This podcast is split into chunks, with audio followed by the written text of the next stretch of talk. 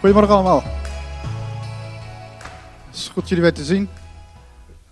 Is dat gaaf hè, samen zo God te aanbidden. Super.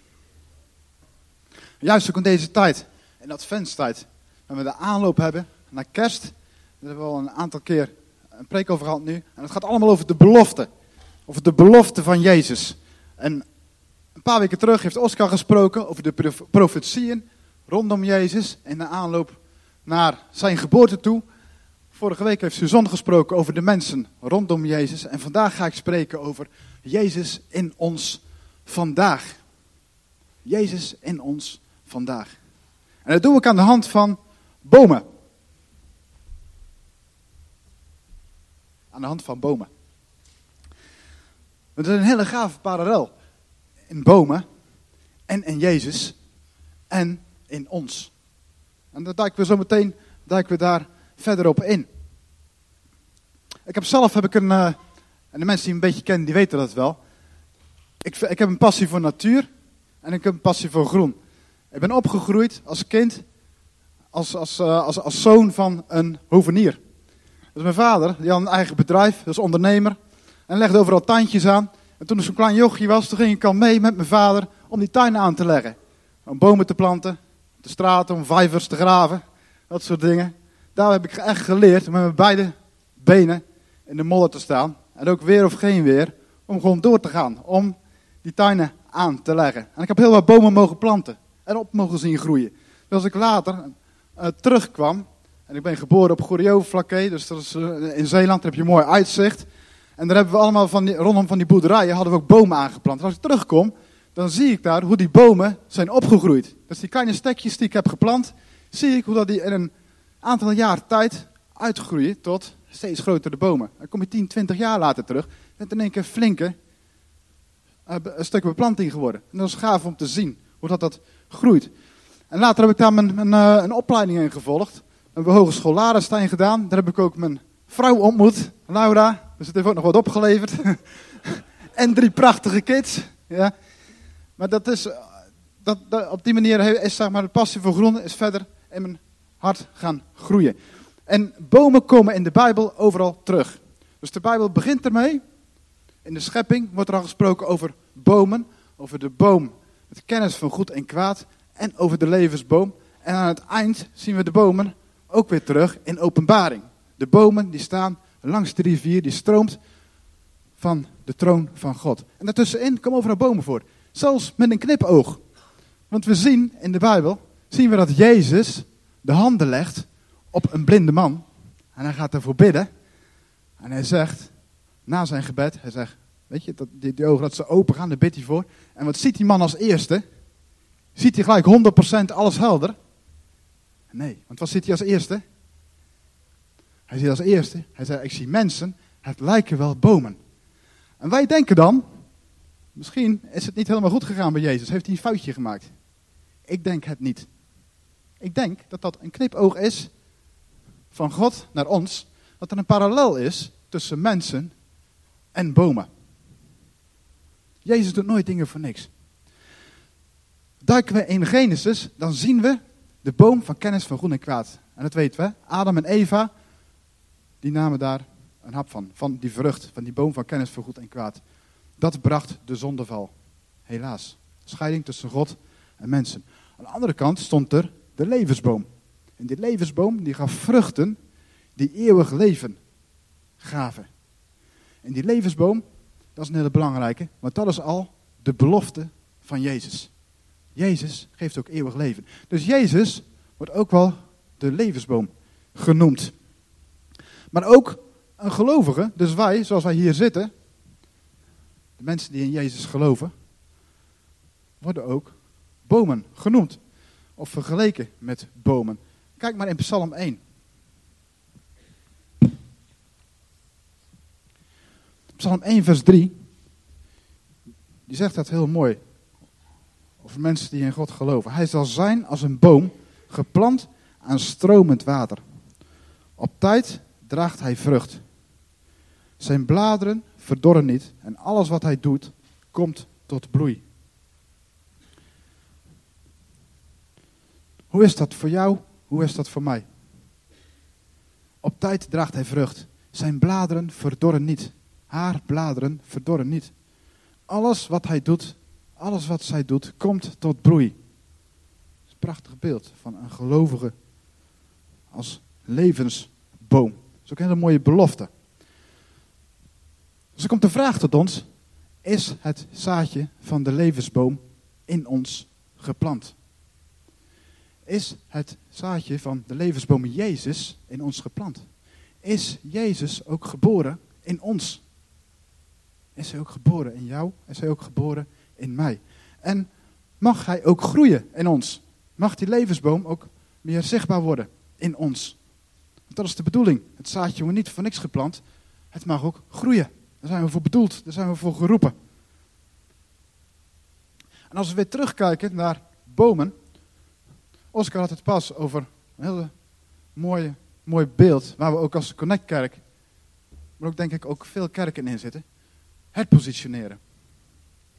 Het positioneren. Een boom.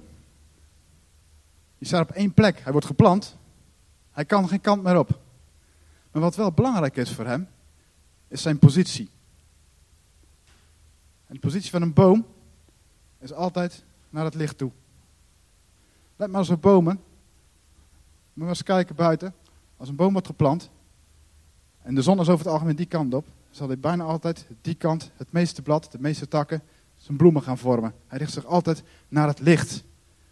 En het licht staat ook voor Jezus. We lezen Matthäus 4, vers 16 en 17.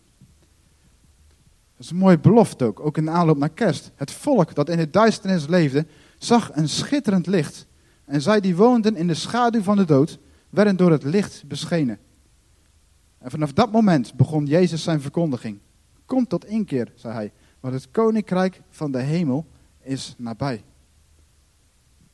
Dus het eerste wat Jezus doet, als hij zijn bediening start, is dat hij zegt tegen de mensen, kom tot inkeer. Kom tot inkeer. En als we kijken naar het woord inkeer, dat is bekering. Dat is eigenlijk het Griekse woord voor metanoeo. Mooi woord, hè? Metanoeo. En dat betekent vernieuwing van je denken. Dus het eerste wat Jezus doet, is oproepen tot vernieuwing van ons denken. Tot vernieuwing van ons denken. En het komt niet één keer voor in de Bijbel. Het komt ongeveer 160 keer voor in de Bijbel. Het woord bekering in deze vorm. Johannes begon ermee, zijn boodschap. Lees maar na in de Bijbel. Komt tot één keer.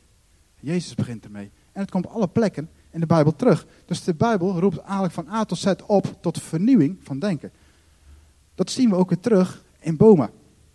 Bomen zijn organismen die zich voortdurend vernieuwen. Elk jaar, elk seizoen, nieuw blad. Nieuwe vruchten. Nieuwe bloemen. Nieuwe takken. Een boom vernieuwt zich voortdurend. Zo zijn wij ook bedoeld als gelovigen. Om voortdurend vernieuwd te worden. Want, en dat zegt de Bijbel ook, iedereen heeft gezondigd en heeft God nodig. Dat staat in de Bijbel, Romeinen 3, vers 23. Maar God wil ook dat niemand verloren gaat. En dat dus iedereen tot inkeer komt, zegt 2 Petrus 3. Dus die eerste bekering, die is het belangrijkste. De eerste keer dat je Jezus toelaat, de eerste keer dat die vernieuwing van denken plaatsvindt, wordt ook wedergeboorte genoemd. Dan word je opnieuw geboren. Je zou het ook zo kunnen zien, met kerst, de geboorte van Jezus, met je wedergeboorte, de geboorte van Jezus in jou. In jou. Het zaadje is geplant op het moment dat je opnieuw geboren wordt. En daarna is er voortdurende bekering nodig. Voortdurende vernieuwing. Dat zaadje mag groeien. Dat staat voor discipelschap. Voor discipelschap. 2 Korinthe 5, vers 17 zegt er ook heel mooi. Hij zegt, daarom is ook iemand die één met Christus is, een nieuwe schepping. Het oude is voorbij en het nieuwe is gekomen. Ook dat is een prachtige belofte. Iemand die één is met Christus is een nieuwe schepping. Een nieuwe schepping.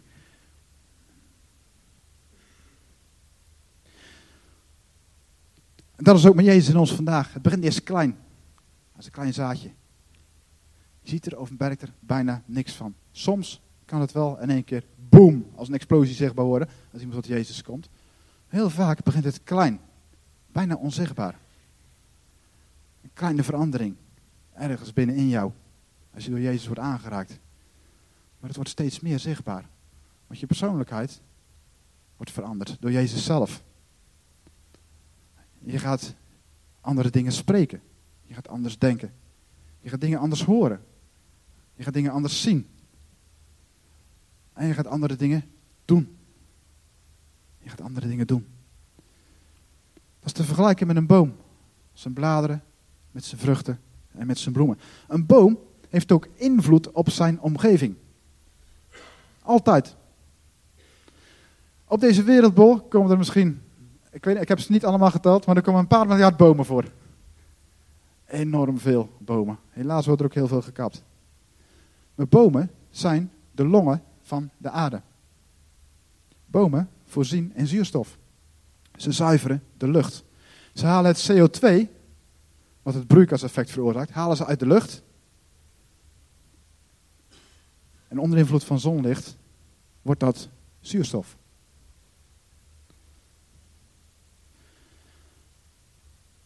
Net als Jezus. Een boom zuivert de lucht. Jezus, als de levensboom, heeft ook invloed op miljoenen mensen. Net zoals een boom invloed heeft op zijn omgeving, heeft de levensboom Jezus ook vandaag de dag nog invloed op miljoenen mensen, miljarden mensen.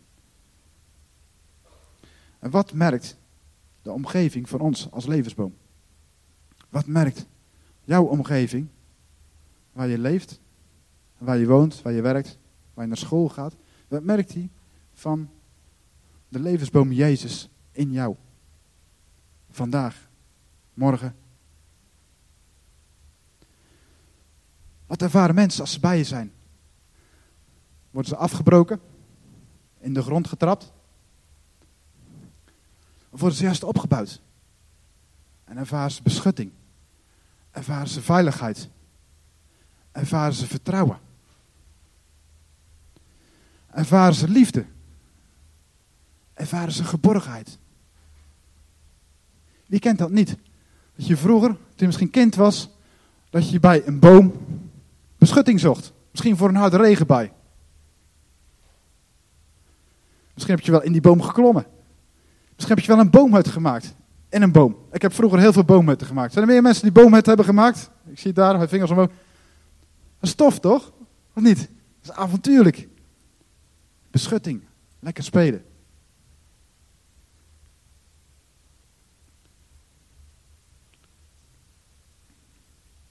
Wat merkt de omgeving van ons als levensboom? We gaan naar Openbaring 22. Aan het eind van de Bijbel. Er laat God en Johannes een rivier zien. Hij liet me een rivier zien met water dat leven geeft. De rivier was helder als kristal en ontsprong aan de troon van God en van het lam. In het midden van het plein van de stad en aan weerszijden van de rivier stond een levensboom die twaalf vruchten gaf. Elk maand zijn eigen vrucht. De bladeren van de boom brachten de volken genezing. Dus de bomen in de openbaring, die brengen genezing. De bladeren van die bomen brengen genezing. En een boom heeft ontelbaar vele bladeren. Misschien heb je de afgelopen weken, in oktober, Oscar Jattenau, hij zit nog in oktober ergens. Maar dan heb je toch wel gezien hoeveel blad er op de weg zit, toch? Op je auto, in je tuin. Je glijdt erover uit als het geregend heeft of paadjes. Maar het is ook heel mooi om te zien. Ik loop vaak in het bos hier bij Hoekelum met onze hond. En als dan die, die bladeren verkleurd zijn en de zon schijnt erop en het is een knalblauwe lucht, hoe gaaf is dat niet om dat te zien? Alleen al door ernaar te kijken, wil ik zeggen, werkt dat genezend, toch? Voor mij relativeert dat heel veel. Als ik met mijn werk bezig ben of je loopt met iets eh, van, van hoe kom, wat moet ik hier doen in deze situatie. En dan kijk je naar die bomen. Het geeft gewoon direct lucht in je hoofd. Dat is gewoon gaaf om te zien. En de kracht van bomen is enorm. De kracht van bomen is enorm. Als een boomwortel, en daar heb ik in mijn werk veel mee te maken, als een boomwortel eenmaal geworteld is in een stukje fundering. En hij gaat in de breedte groeien. Dat is een enorme kracht. Dat drukt je hele huis mee kapot. Kan wij spreken een bunker met elkaar drukken. Zo sterk is de kracht van een boomwortel in de breedte. ook voor ons. Zijn wij geworteld? Zijn wij geworteld in Gods woord? Zijn we geworteld in de waarheid? Zijn we geworteld in Jezus? Dat is belangrijk, dat we stevige wortels hebben. En bomen hebben ook hun stevigheid, doordat ze, als het waait, dan blijven ze niet stilstaan. En ze bewegen mee met de wind. En daardoor kunnen ze enorme windkrachten opvangen. Dus bomen van 30 meter hoog, enorme windvang, maar ze kunnen stormen verdragen. Over het algemeen, als ze goed geworteld zijn.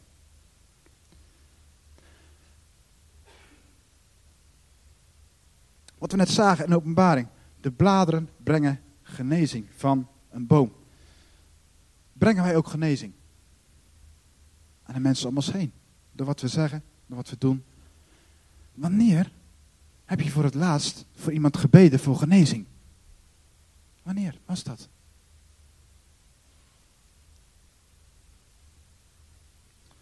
Misschien in je gezin. Voor je kind. Of voor je man of je vrouw. Of voor je vriendin.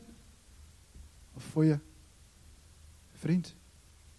Voor je oma. Voor je opa. Dan heb je wel eens een keer gebeden voor iemand voor genezing.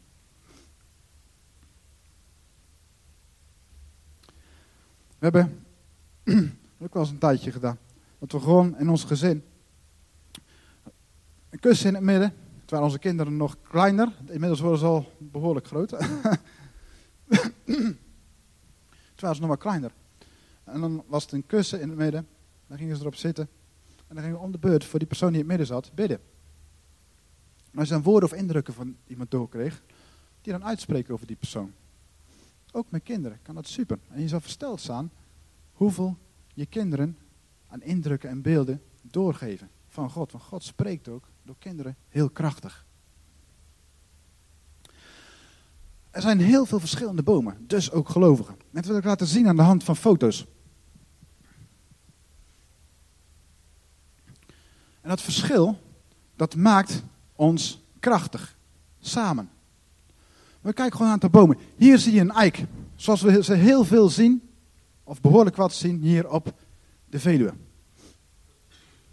Deze eik biedt beschutting. Deze eik geeft enorm veel zuurstof. Deze eik zuivert de lucht. Hij zorgt voor beschutting voor heel veel dieren. Ontelbaar veel insecten zitten er in zo'n boom. In de schors, in de blaadjes. Het is een heel complex geheel op zich. Een volgroeide eik. Volgende, volgende Noah. De levensboom, Jezus. Wij mogen als gelovigen ook zo zijn voor de mensen om ons heen. Beschutting. Een schuilplaats, veiligheid, geborgenheid. Levengevend. Maar er zijn ook bijzondere bomen. Laat maar zien, Noah.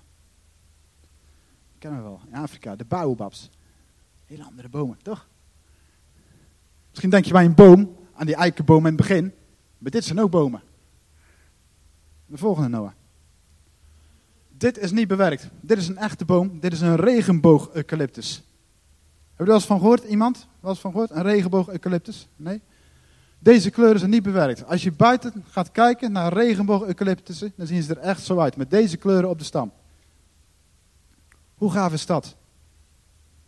Je mag een regenboog zijn voor de mensen om je heen. Volgende Noah. Zelfs in de winter. Als de groei stil lijkt te staan. En het is koud. Dan nog laat een boom iets van God zien. Je zonden mogen bedekt worden als sneeuw. Weet je, wordt in de Bijbel naar verwezen. Sneeuw. Hoe gaan we dit om te zien? Knalblauwe lucht. Staat voor de Heilige Geest. Staat voor communicatie. Dit beeld alleen al. Ik vind het super gaaf. Hoe mooi is dat te zien? God in de schepping. Volgende boom. Of de volgende, Noah. in de herfst van je leven wellicht. Je denkt, ik beteken niks meer voor mensen. Wat betekent nou nog in de herfst van mijn leven? Juist dan zijn de bomen op hun mooist. Met hun kleuren. Kleur van hoop, geel. Ik ben ook schilder, dus vandaar dat die kleur ook betekenis wil geven. Misschien voel je je wel, nou we laten de volgende maar zien. Helemaal niet zo groot. Het stekje. Het zaadje is net geplant. Je bent net tot geloof gekomen. Je bent nog kwetsbaar. Je hebt beschutting nodig, ook van andere bomen. Yes? Want, nou laten we zien, de volgende. Uiteindelijk kan je dit worden. Dit is de oudste boom van de wereld. Voor zover ze hebben kunnen ontdekken. Hij schijnt iets van 4500 jaar oud te zijn. Hij wordt ook Methuselem genoemd. Oudste boom van de wereld. Volgende Noah. Maar misschien voel je je mee deze boom. redelijk jonge boom nog, nog niet zo heel groot. Heeft er wel invloed. Door de lucht die hij zuivert, door de zuurstof die hij afgeeft, door wat schaduw wat hij geeft. Het is flexibel, kan veel wind hebben. Wat de volgende maar zien. Ondanks een klein boompje kan je toch ontzettend veel vrucht dragen. Je hoeft niet een enorme boom te zijn om vrucht te kunnen dragen. Ook kleine bomen kunnen heel veel vrucht dragen. Deze boom, die buigt er onderdoor aan het gewicht. Volgende nou. Soms kan het ook zo hard waaien in je leven, dat je deze vorm krijgt.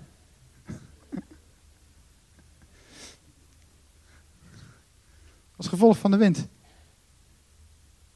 Zelf denk je van, ik ben zowat afgebroken. Maar hoe gaaf is dit? Hoe karakteristiek is dit? Wij als gelovigen, als je er zo uitziet, reken maar dat jij de aandacht trekt. Ja. De volgende maar zien hoor. Zelfs al ben je geknakt in je leven, ooit. Toch kan er nog groei plaatsvinden. Zoals je in deze boom kan zien. Zulke bomen zijn enorm waardevol door de extra beschutting die ze geven. de ondergrond. En aan de diertjes. Je vindt heel veel bodemleven ook plaats. Bij dit soort bomen.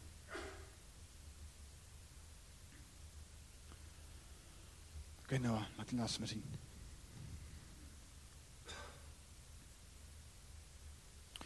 Dus zoals we net zagen, de omstandigheden vormt de boom. En hoe die boom er ook uitziet, hoe wij er als gelovigen ook uitzien, wat je ook hebt meegemaakt, je hebt altijd invloed. Soms veel meer nog dan dat je denkt. Soms veel meer nog dan dat we zelf ook denken. Soms veel meer dan ik denk.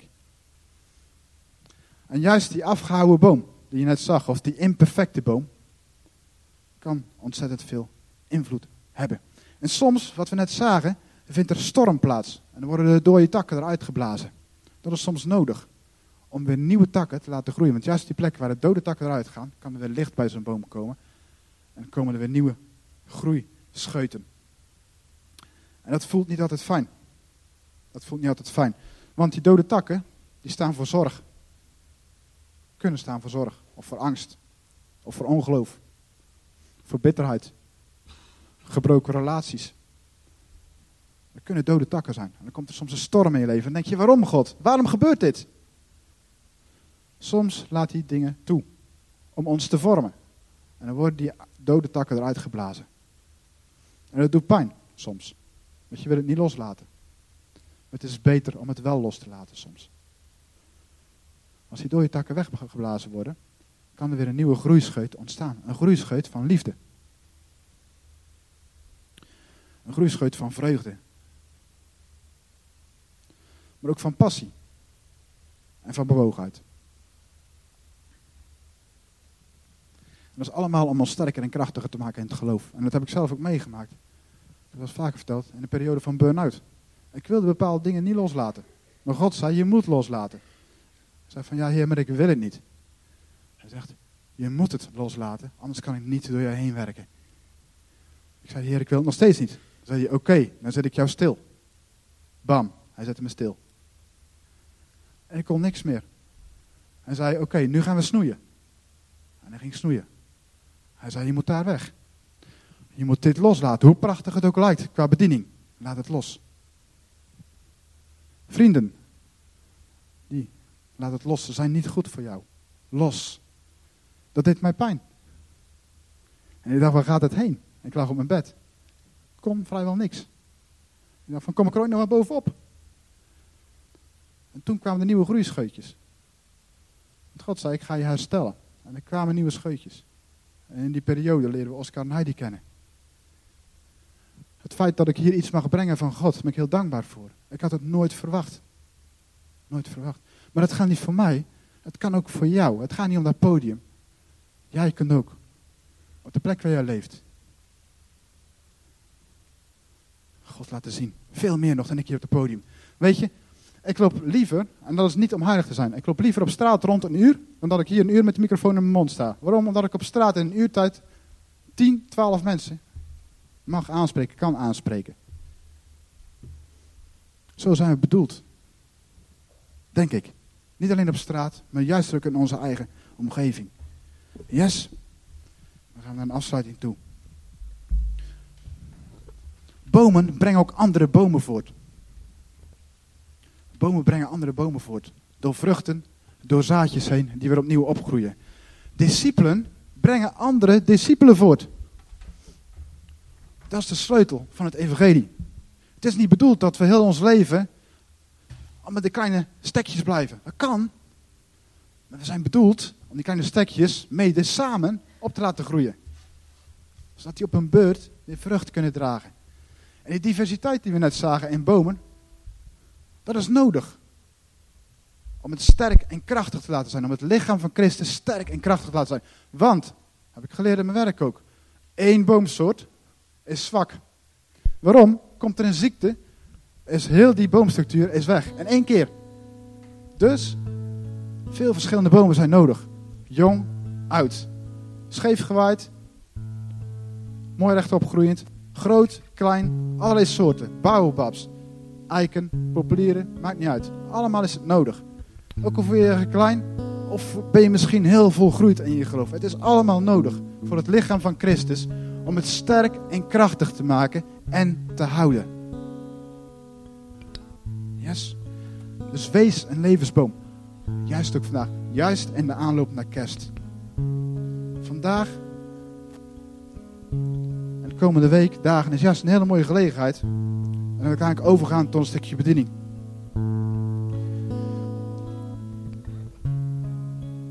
Om mensen Gods liefde te laten zien.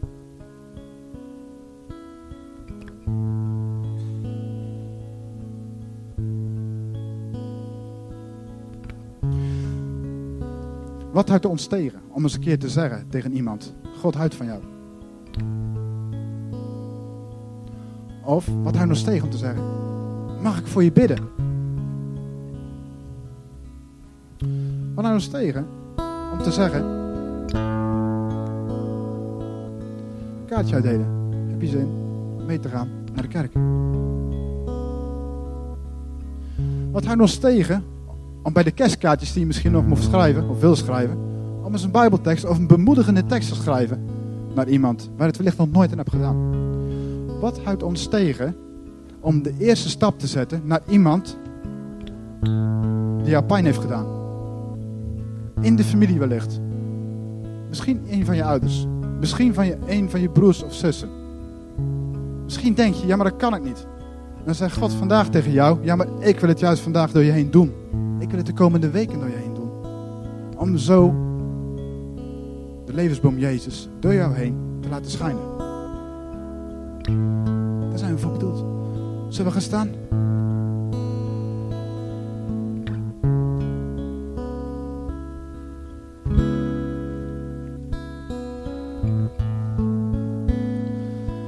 Vandaag is de dag als je zegt van ik heb nog nooit Jezus echt in mijn leven toegelaten. ik kan nooit dat zaadje van de levensboom Jezus echt bewust en me laten planten. Dan is dat vandaag de dag, vanmorgen. Als jij dat, als jij dat, dat zou willen, als je denkt van oké, vandaag wil ik daar bewust ja op zeggen. Voor het eerst of opnieuw. Dan is daar nu de gelegenheid voor. Kan altijd. Voor nu is er ook de gelegenheid voor. En daar willen we gewoon voor bidden. Vader in de hemel, dank u voor uw liefde. Dank u voor uw trouw. Dank u voor de levensboom Jezus. En Vader, we danken u voor wat Jezus heeft gedaan. En Jezus ziet jou vanmorgen ook hier, waar je bent. En hij weet wat je hebt doorgemaakt. En als je vanmorgen zegt van Heer, wil het toelaten. Zegt Jezus tegen jou, laat je maar de deur maar op een kiertje open. Dat is voor mij al voldoende om binnen te komen. Als jij er vanmorgen bent, als je zegt van ja, Heer, ik wil, me, ik toelaten. Steek dan je hand omhoog. Voor het eerst of opnieuw.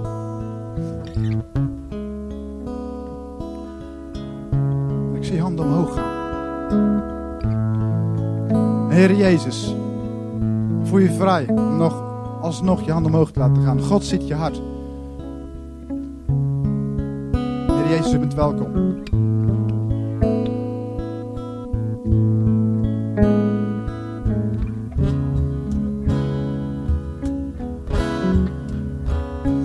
Heer Jezus, raak deze mensen aan. En vader, misschien, misschien is het goed als we even eh, ervoor voor bidden. Met elkaar. Om Jezus bewust uit te nodigen in de mensenlevens, uh, in, de harten van die mensenlevens. Vader in de hemel, zeg het maar gewoon na als je wil. Vader in de hemel, dank u voor de Zoon Jezus. Voor de mensen die hun hand hebben opgegeven. Heer, u bent welkom. Natuurlijk bent u welkom bij allemaal. U bent welkom bij die mensen die hun hart hebben opgegeven. Die hun hand hebben opgegeven. Kom in ons leven. Vul ons hart. We kiezen voor u. En we willen u volgen.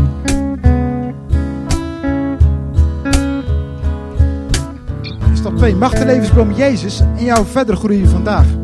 Misschien is het even een goed moment om even een paar seconden stil te zijn. En Heilige Geest, laat het zien waar er nog dode takken zijn die weggesnoeid mogen worden. Heilige Geest, laat het zien nu op dit moment aan de mensen. Waar mogen nog dode takken weggesnoeid worden?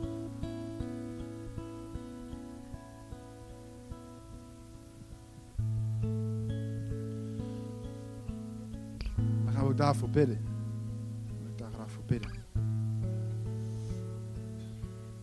En ik zie heel wat dode takken.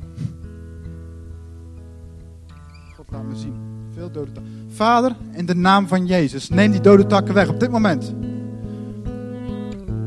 Laat ze weggeblazen worden in de naam van Jezus Christus. Vader, we bidden voor nieuwe groeischeuten. Nieuwe takken. Van liefde, van vergeving.